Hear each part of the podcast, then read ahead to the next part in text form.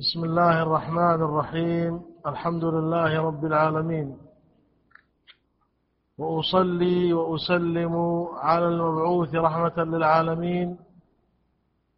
نبينا محمد وعلى آله وأصحابه أجمعين. أما بعد فأهلا وسهلا بكم أيها الأحبة في الله في هذا اللقاء العلمي. في هذا المسجد المبارك.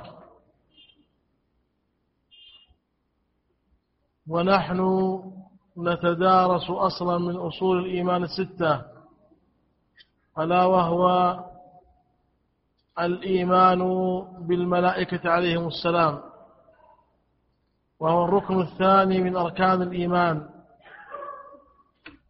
ومر معنا في الدرس الماضي شيئا من صفات الملائكة عليهم السلام الذاتية والمعنوية. ونذكر الآن شيئا من أسمائهم عليهم السلام. وهذا المبحث في الحقيقة من أعجب المباحث. يدلنا على قلة علمنا وسعة علم الله سبحانه وتعالى. وأنه لا علم لنا إلا ما علمنا ربنا عز وجل. فمع كثرة عدد الملائكة عليهم السلام إلا أننا لا نعرف من أسمائهم إلا شيء يسير جدا لا يكاد يذكر. سبعة أو ثمانية أسماء فقط لا غير. ثبتت في الكتاب والسنة. من ملايين بل آلاف الملايين من الملائكة. على قلة علمنا وضعفنا لا نعرف من أسمائهم إلا هذا الشيء اليسير. نعرف جبريل عليه السلام وميكائيل عليه السلام وإسرافيل عليه السلام. جمع النبي صلى الله عليه وسلم بين هذه الأسماء المباركة في أحاديث قيام الليل. كان صلى الله عليه وسلم يتوسل إلى الله عز وجل بربوبيته لهؤلاء الثلاثة العظام. فمن كان رب هؤلاء فهو عظيم جدا لأن القاعدة العقلية تقول التفكر في صفات المخلوق تدلنا على بعض صفات الخالق.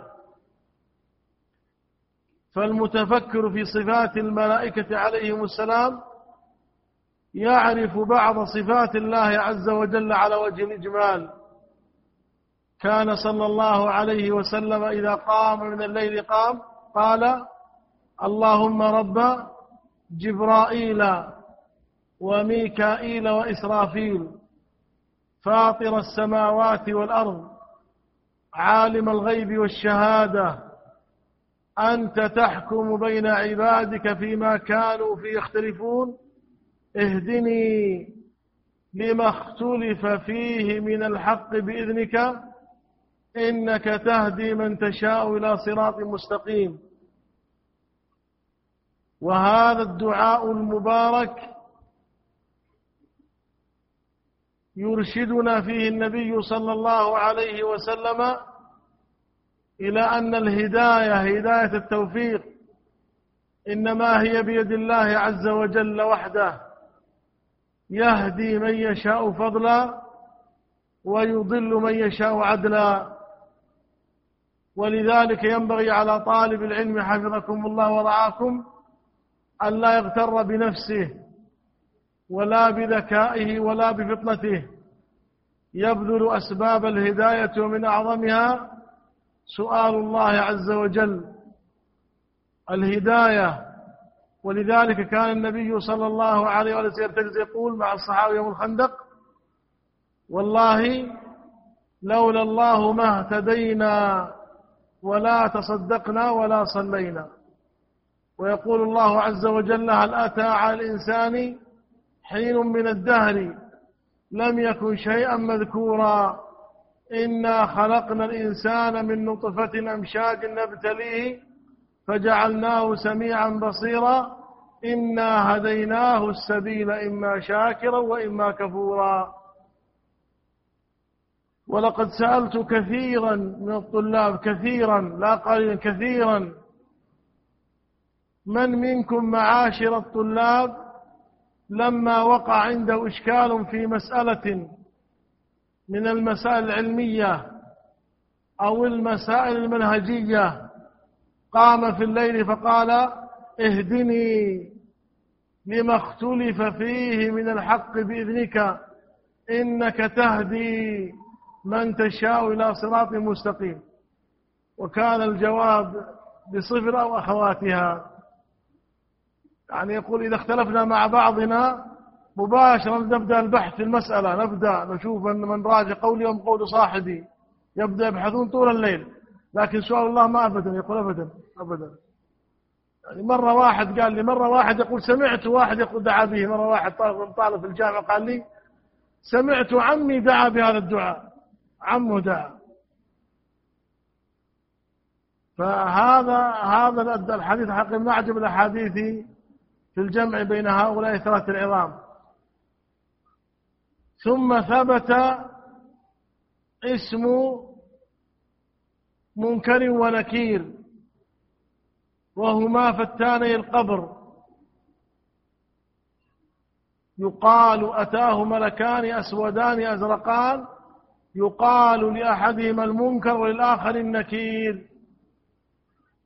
فمنكر ونكير اسمان لملكين صالحين عظيمين جدا جبارين جدا يفتنان الموتى من أمة النبي صلى الله عليه وآله وسلم. من ربك وما دينك وما النبي صلى الله ثبات. واختلف في اسم هاروت وماروت. أهما ملكان أم غير ذلك؟ والراجح من أقوال أهل العلم أن هاروت وماروت ملكان ملكان كريمان. أرسلا فتنة. قال وما يعلمان من أحد حتى يقول إنما نحن فتنة فلا تكفر وليس بشيطانين. وهما بتعليم الناس السحر كان طائعين لله عز وجل غير عاصين له. لأن الدخول إلى عالم الجن لا يستطيعه الإنسان المجرد لا يستطيع لأن هناك شفرة.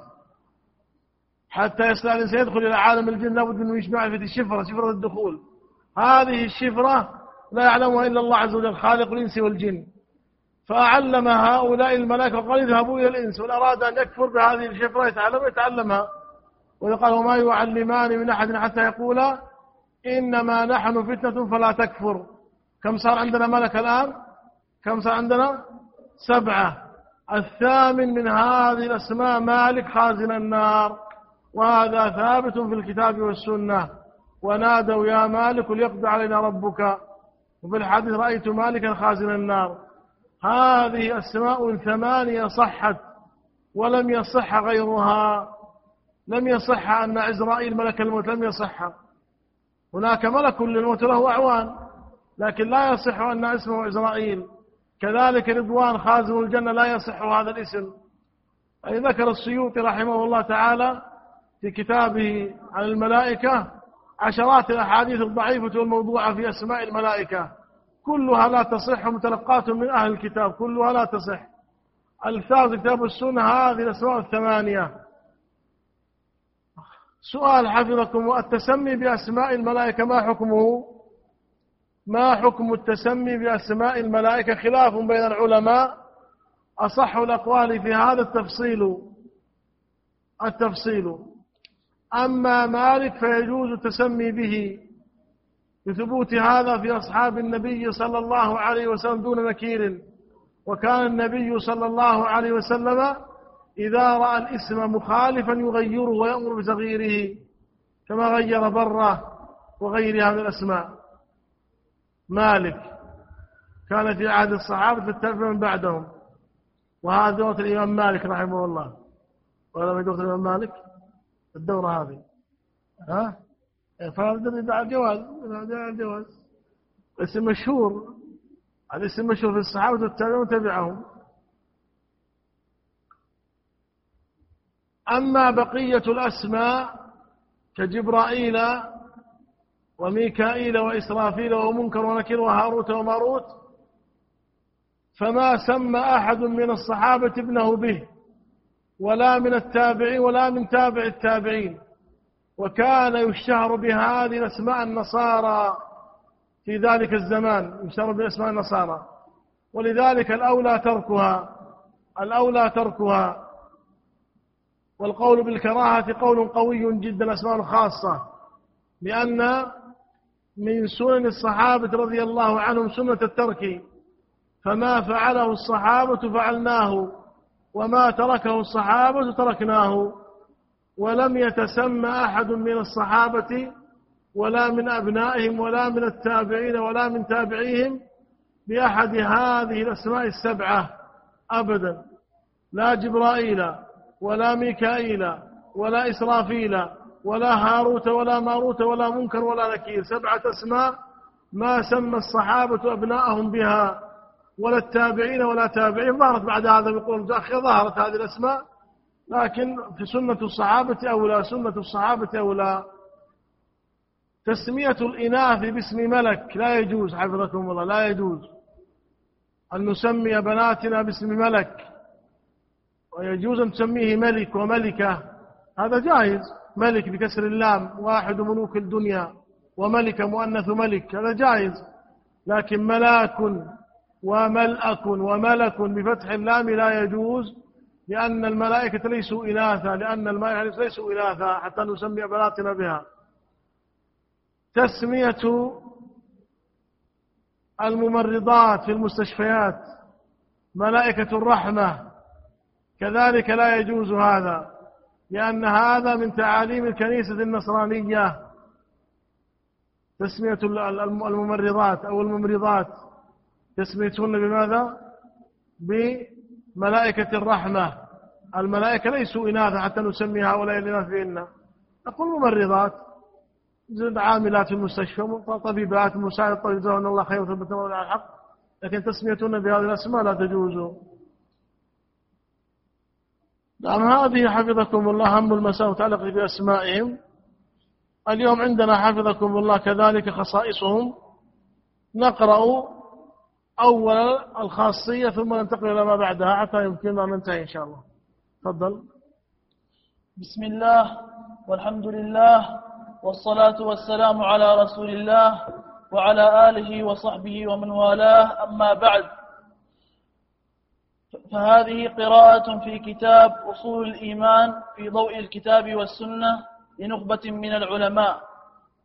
خصائصهم للملائكة عليهم السلام خصائص وصفات قد, اختص قد اختصهم الله تعالى بها وامتازوا بها عن الجن والإنس وسائر المخلوقات فمنها أن مساكنهم في, في السماء وإنما يهبطون إلى الأرض تنفيذا لأمر الله في الخلق وما أسند إليهم من تصريف شؤونهم. نعم. هم حفظكم الله خلق اصطفاهم الله عز وجل لقربه. فهم حملة العرش وهم الحافون بالعرش.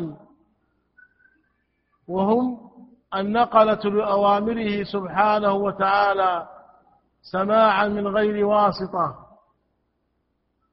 فهم عمار السماء وهم زوار البيت المعمور. وهم الملأ الأعلى لا يسمعون إلى الملأ الأعلى. فمساكنهم في السماء على خلاف في طبقاتهم ودرجاتهم. فبعضهم في السحاب والغمام وبعضهم في السماء الدنيا وبعضهم في الثانية وبعضهم في الثالثة وبعضهم في الرابعة هكذا. وهم حجاب السماء وحفظتها كذلك. ويذكرون حديث الإسراء والمعراج لما استأذن جبريل عليه السلام للنبي صلى الله عليه وسلم من حجاب السماوات السبعة. فكما أن الإنس والجن عمار الأرض فالملائكة عمار السماء.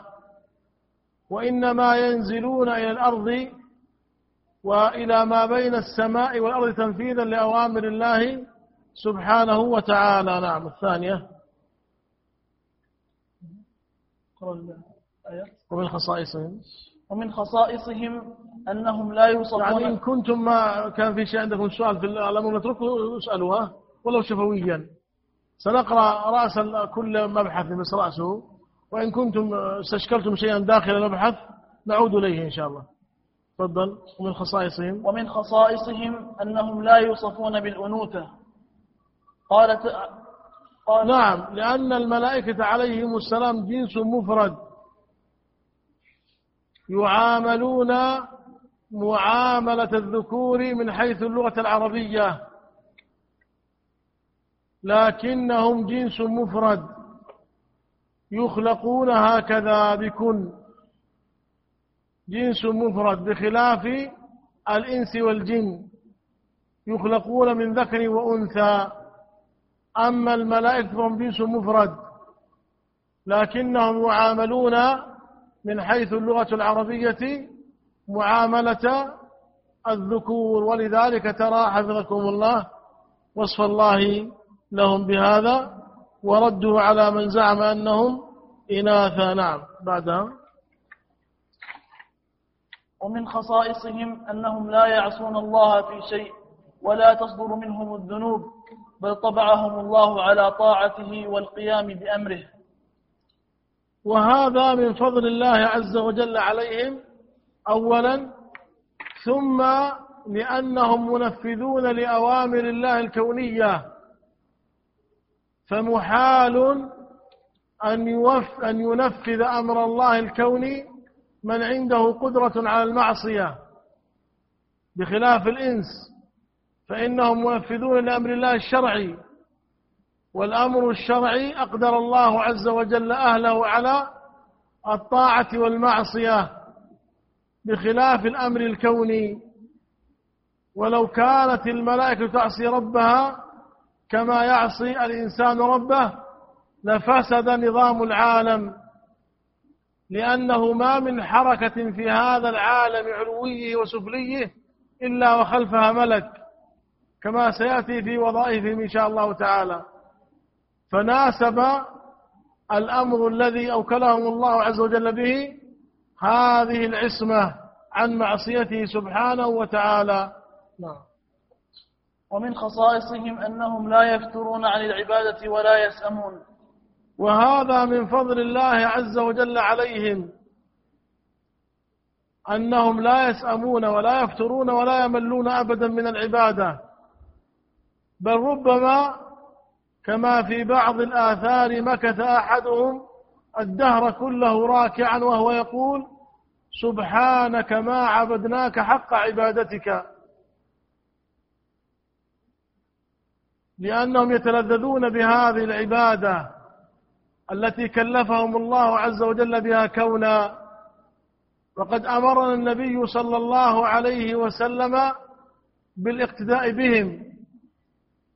فقال ألا تصفون كما تصف الملائكة بين يدي ربها؟ قالوا وكيف تصف الملائكة بين يدي ربها؟ قال يتمون الصف الأول ويتراصون في الصف. فالملائكة عليهم السلام لا يملون ولا يسأمون ولا يفترون من عبادة الله عز وجل. وهذا أمر ينبغي أن نتنبه له. ما ذكر هذا إلا لنقتدي بهم على قدر طاقتنا إلا لنقتدي بهم على قدر طاقتنا كما سيأتي أن من أركان الإيمان بالملائكة اقتدوا بهم على قدر الطاقة. أن الاقتداء بالملائكة عليهم السلام من أركان الإيمان بهم لكن على قدر طاقتنا نعم. فهذه بعض خصائص الملائكة التي اختص الله بها دون الثقلين من الإنس والجن. وبالجملة فالملائكة جنس آخر يتميزون في أصل خلقتهم وتكوينهم عن الإنس والجن.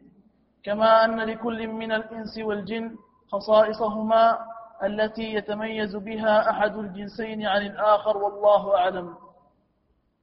يعني من خصائصهم حفظكم الله كذلك ضخامة أجسامهم وقوتها. شيء لا يقوم له أهل السماء وأهل الأرض. من خصائصهم كذلك قدرتهم على التمثل بصورة الذكران من بني آدم. من خصائصهم كذلك سرعتهم التي منحهم الله عز وجل إياها. من خصائصهم كذلك سماعهم كلام الله عز وجل صباح مساء بلا واسطة. من خصائصهم كذلك لطافة أجسامهم مع عظمها وضخامتها وكبر حجمها إلا أنهم يستطيعون الدخول في أماكن لا يتخيلها عقل إنسان أبدا. لهم خصائص كثيرة ذاتية ومعنوية. وكل هذه الخصائص تليق بأصل خلقتهم التي خلقهم الله عز وجل بها. هذه الخصائص تليق بأصل خلقتهم التي خلقهم الله عز وجل بها. بخلاف أصل خلقتنا تليق بنا خصائص تليق بذاتنا وكذلك بالنسبة لصفات الجن نعم. المبحث الثاني منزلة الإيمان بالملائكة وكيفيته وأدلة ذلك. منزلة الإيمان بهم. الإيمان بالملائكة ركن من أركان الإيمان في الدين الإسلامي. نعم الإيمان بالملائكة هو الركن الثاني من أركان الإيمان. وقال هنا في الدين الإسلامي ومن المعلوم قوة العلاقة بين الإسلام والإيمان فإن مراتب الدين ثلاثة الإسلام فالإيمان فالإحسان وبين هذه المراتب الثلاثة عموم وخصوص فما كان ركنا في الإيمان هو قطع ركنا في الإسلام وهو العكس بالعكس تماما. إذا اجتمعا افترقا وإذا افترقا اجتمعا لماذا جعل الله عز وجل الإيمان بالملائكة الركن الثاني؟ مع أن الإيمان بالكتب هو الركن الثالث والإيمان بالكتب من الإيمان بالله عز وجل. لأن هذه الكتب من كلامه سبحانه وتعالى وكلامه سبحانه وتعالى صفة من صفاته. لكن لماذا قدم الله عز وجل الإيمان بالملائكة في مثل قول آمن الرسول بما أنزل إليه من ربه والمؤمنون؟ كل آمن بالله وملائكته وكتبه ورسله.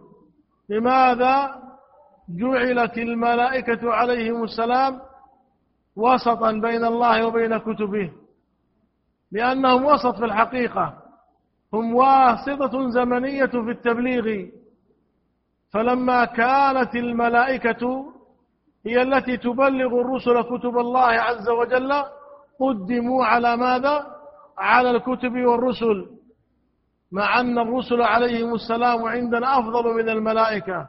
عليهم السلام. الرسل عندنا أفضل من الملائكة.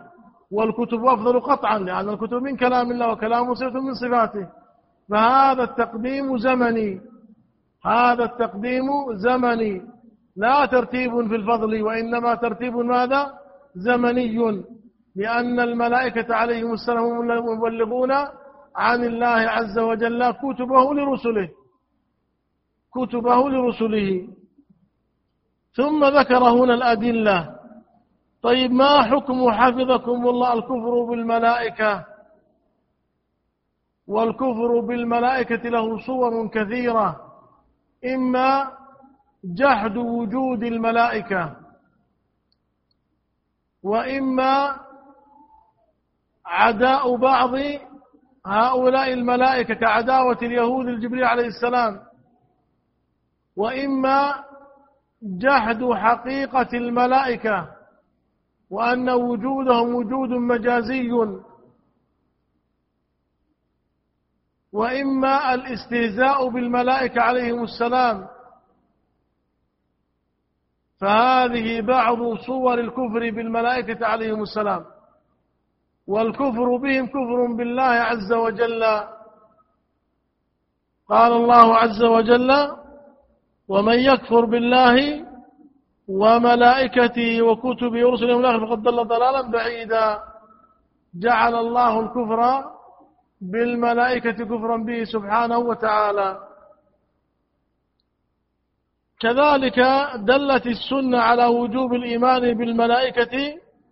وقد ذكر هنا حفظكم الله حديث جبريل عليه السلام. ثم علق على هذا بقوله فهذا حديث عظيم اشتمل على أصول الدين ومراتبه كلها وهو منهج فريد في تعليم هذا الدين. نعم. من أراد أن يتعلم هذا الدين فليسر وفق هذا المنهج المبارك. الذي قال النبي صلى الله عليه وآله وسلم في آخره هذا جبريل أتاكم يعلمكم دينكم. يعلمكم دينكم. ولذلك حفظكم الله جعل هذا الحديث منهجا مباركا في تعليم الدين والعقيدة. ويا ليت كل الدعوات الموجودة اليوم في العالم الإسلامي تتخذ هذا الحديث منهجا في تعلمها وفي عملها وفي تعليمها وفي دعوته لما وقع هذا الخلاف الذي ترونه إذا لو قيل لنا ما سبب هذا الخلاف الموجود اليوم في الساحة الدعوية بين الجماعات الإسلامية سببه الخلاف في المنهج في طريقة التعلم والتعليم والدعوة. كيف تتحد هذه الجماعات؟ تتحد برجوعها إلى منهج النبي صلى الله عليه وسلم. قال الله عز وجل واعتصموا بحبل الله جميعا ولا تفرقوا. هذا الحديث منهج رباني. قال هذا جبريل أتاكم يعلمكم أمر دينكم. منهج رباني. ما ترك النبي صلى الله عليه وآله شيئا في هذا إلا ذكره. إلا ذكره. ولذلك هذا الحديث منهج رباني. ثم قال جاء على طريقة الحوار بين الرسول الملكي نعم. طرق التعليم كثيرة. من طرق التعلم والتعليم وسيلة هذا الحوار أن يسأل العالم عالما آخر أن يسأل طالب العلم طالب علم آخر سؤال يعلم جوابه يريد أن يستفيد الناس. وقد ذكر لي بعض الإخوان في بعض البلاد الإسلامية أن أهل ذلك عندهم شرك كثير في الألوهية. فعلم ابنه الصغير التوحيد ابنه الصغير علمه التوحيد. فيذهب به إلى المسجد ويجلس هو في زاوية من زاوية المسجد ثم يسأله يا فلان ما معنى لا إله إلا الله؟ فيجيب الغلام لا إله إلا الله معبود بحق إلا الله. أحسنت يا ولدي بارك الله. والناس يسمعون. يا ولدي فلان ما شروط لا إله فيقول شروطها سبعة العلم واليقين والقبول والانقياد بما أقول أحسنت. بقى والناس يسمعون. أول مرة يسمعون في حياتهم شو الشروط وش كذا ما هم سمعوها. يا ولدي ما حكم الطواف؟ يقول لا يجوز شرك. مش رابة الأعناق؟ اسكت إيش دخلكم؟ أنا ولدي من دونكم. أنا أعلم ولدي. كلمت أحدا منكم؟ أنكرت عليكم؟ أنا أعلم ولدي. قالوا بهذه الطريقة علم أقواما كثيرين دينهم. انظر إلى طريقة الحوار. انظر فكيف إذا كان الحوار بين جبريل عليه السلام وبين رسول الله صلى الله عليه وآله وسلم. ولذلك حفظ الصحابة هذا الحديث على طوله حفظا دقيقا ما تركوا فيه حرفا لأن الأسلوب كان أسلوب ماذا؟ أسلوب حوار. فالتنويع في الأساليب ترى مطلوب حفظكم الله. ولا سيما في هذه العصور المتأخرة عصر الملل والسآمة والكلل. الناس أصبح عندهم كلل وملل وسآمة في تلقي العلم. فإذا رجعنا إلى أساليب النبي صلى الله عليه وسلم نجد فيها خيرا كثيرا. نعم. كيفية يوم الملائكة؟ كيفية الإيمان بالملائكة؟ الإيمان بالملائكة يتضمن عدة أمور. لا بد للعبد من تحقيقها حتى يتحقق له الإيمان بالملائكة وهي أولا الإقرار بوجودهم. والتصديق بهم. نعم على وجه الإجمال على وجه الإجمال فيما أجمل والتفصيل فيما فصل. على وجه الإجمال فيما أجمل. يعني هل من شروط الإيمان أن تعلم أن من أسماء الملائكة منكر ونكر؟ لا. هاروت وماروت؟ لا أبدا. أبدا. لكن جبرائيل وميكائيل وإسرافيل هذا من أضعف الإيمان أن تعرف هذه الأسماء الثلاثة. فالإقرار بوجودهم الحقيقي لا المجازي ولا التأويلي على وجه الإجمال هذا ركن من أركان الإيمان. وكل ما ازددت معرفة بأحوالهم ازددت ماذا؟ ازددت إيمانا. نعم. الثاني؟ ثانيا الإيمان بأنهم خلق كثير جدا. لا يعلم عددهم إلا الله تعالى. نعم كما مر معنا في في أمس نعم. ثالثا الإقرار لهم بمقاماتهم العظيمة عند ربهم وكرمهم عليه وشرفهم عنده. بخلاف ما يعتقده بعض أهل البدع. نحن نؤمن بفضل الملائكة وبمكانتهم وبرفعة منزلتهم عند الله عز وجل. أما أهل البدع فيعتقدون خلاف هذا. يقول بعضهم الملائكة خدام آل البيت. ويقول بعضهم الملائكة يحضرون ألعاب من السماء لأطفال آل البيت. وهم زوار قبور آل البيت وهم وهم وهم كأنهم خدم. وكذلك الحال عند بعض الغلاة المتصوفة من ادعاء خدمة الملائكة لهم ودخولهم بيوتهم. وزيارة قبور أوليائهم فهذا فيه استخفاف بذلك المقام الرفيع. قال بل عباد مكرمون في قوة عند ذي العرش مكين. هذا تكذيب لله عز وجل واستخفاف بذلك المقام الرفيع الذي أكرم الله عز وجل به هؤلاء المكرمين. فلا يجوز الاستهزاء ولا الضحك ولا يعني ترك هذه المنازل الرفيعة لهم نعم. رابعا اعتقاد تفاضلهم وعدم تساويهم في الفضل والمنزلة عند الله على ما دلت على ذلك النصوص.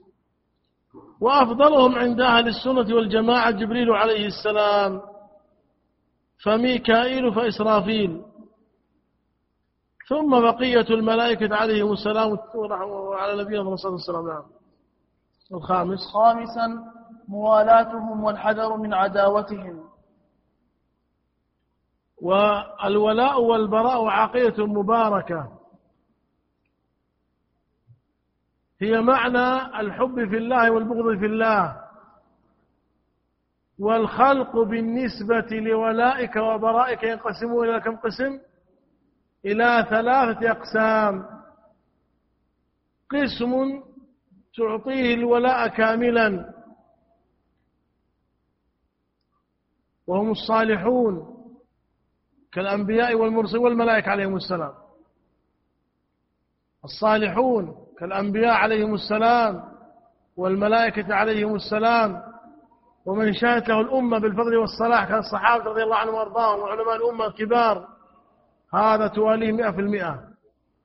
وقسم تعاديه مئة في المئة. وهم الكفار الأصليون والمرتدون. عدا لا لا مودة أبدا وقسم يجتمع فيه الحب في الله والبغض في الله يجتمع فيه الولاء لله والبراء لله هم فساق الملة أو أهل البدع اليسيرة غير المكفرة كالبدع المفسقة مثلا هذا تحبه في الله لأصل إيمانه وتبغضه في الله لفسقه ولبدعته إذا الولاء الكامل للصالحين كالملائكة عليهم السلام واليهم ونحبهم لا كما يقول اليهود وأشباه اليهود من عداوتهم لبعض الملائكة عليهم السلام. نعم. السادس. سادسا الاعتقاد بأن الملائكة خلق من خلق الله. لا شأن لهم في الخلق والتدبير وتصريف الأمور بل هم جند من جنود الله يعملون بأمر الله. والله تعالى هو الذي بيده الملك كله بيده الأمر كله. لا شريك له في ذلك. نعم لأن الملائكة على عظم خلقهم وعظيم صفاتهم الذاتية والمعنوية لا شأن لهم بالربوبية أبدا وبالتالي لا حق لهم في الألوهية أبدا. فهم مخلوقون مربوبون لله عز وجل. فما داموا مخلوقون ما داموا مخلوقين مربوبين لله عز وجل فلا يجوز أن نصرف لهم أي نوع من العبادة. بل لو ادعى أحد منهم أن له شيء من العبادة لأهلكه الله عز وجل كما قال سبحانه ومن يقل منهم إني إله من دوني فذلك نجزيه جهنم كذلك نجزي الظالمين. وهذا حفظكم الله من أعظم الأدلة على وجوب إفراد الله بالعبادة.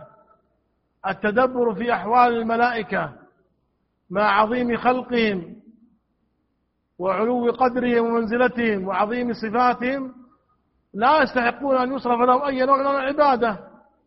فغيرهم من دونهم من باب من باب أولى. ولذلك قال عز وجل ولا يأمرك ولا يأمركم أن تتخذوا الملائكة النبيين أربابا. أيأمركم بالكفر بعد أن أنتم مسلمون؟ نعم. سابعا الإيمان المفصل بمن جاء التصريح بذكرهم من الملائكة. على وجه الخصوص في الكتاب والسنة. كجبريل وميكال وإسرافيل ومالك وهاروت وماروت ورضوان ومنكر ونكير وغيره نعم ذكر رضوان هنا لأن هناك حديث لكنه ضعيف. فلعل وإن كتب المشايخ حفظ الله الذين كتبوا صحوا هذا الحديث. لعل المشايخ الذين كتبوا هذه الرسالة صحوا هذا الحديث.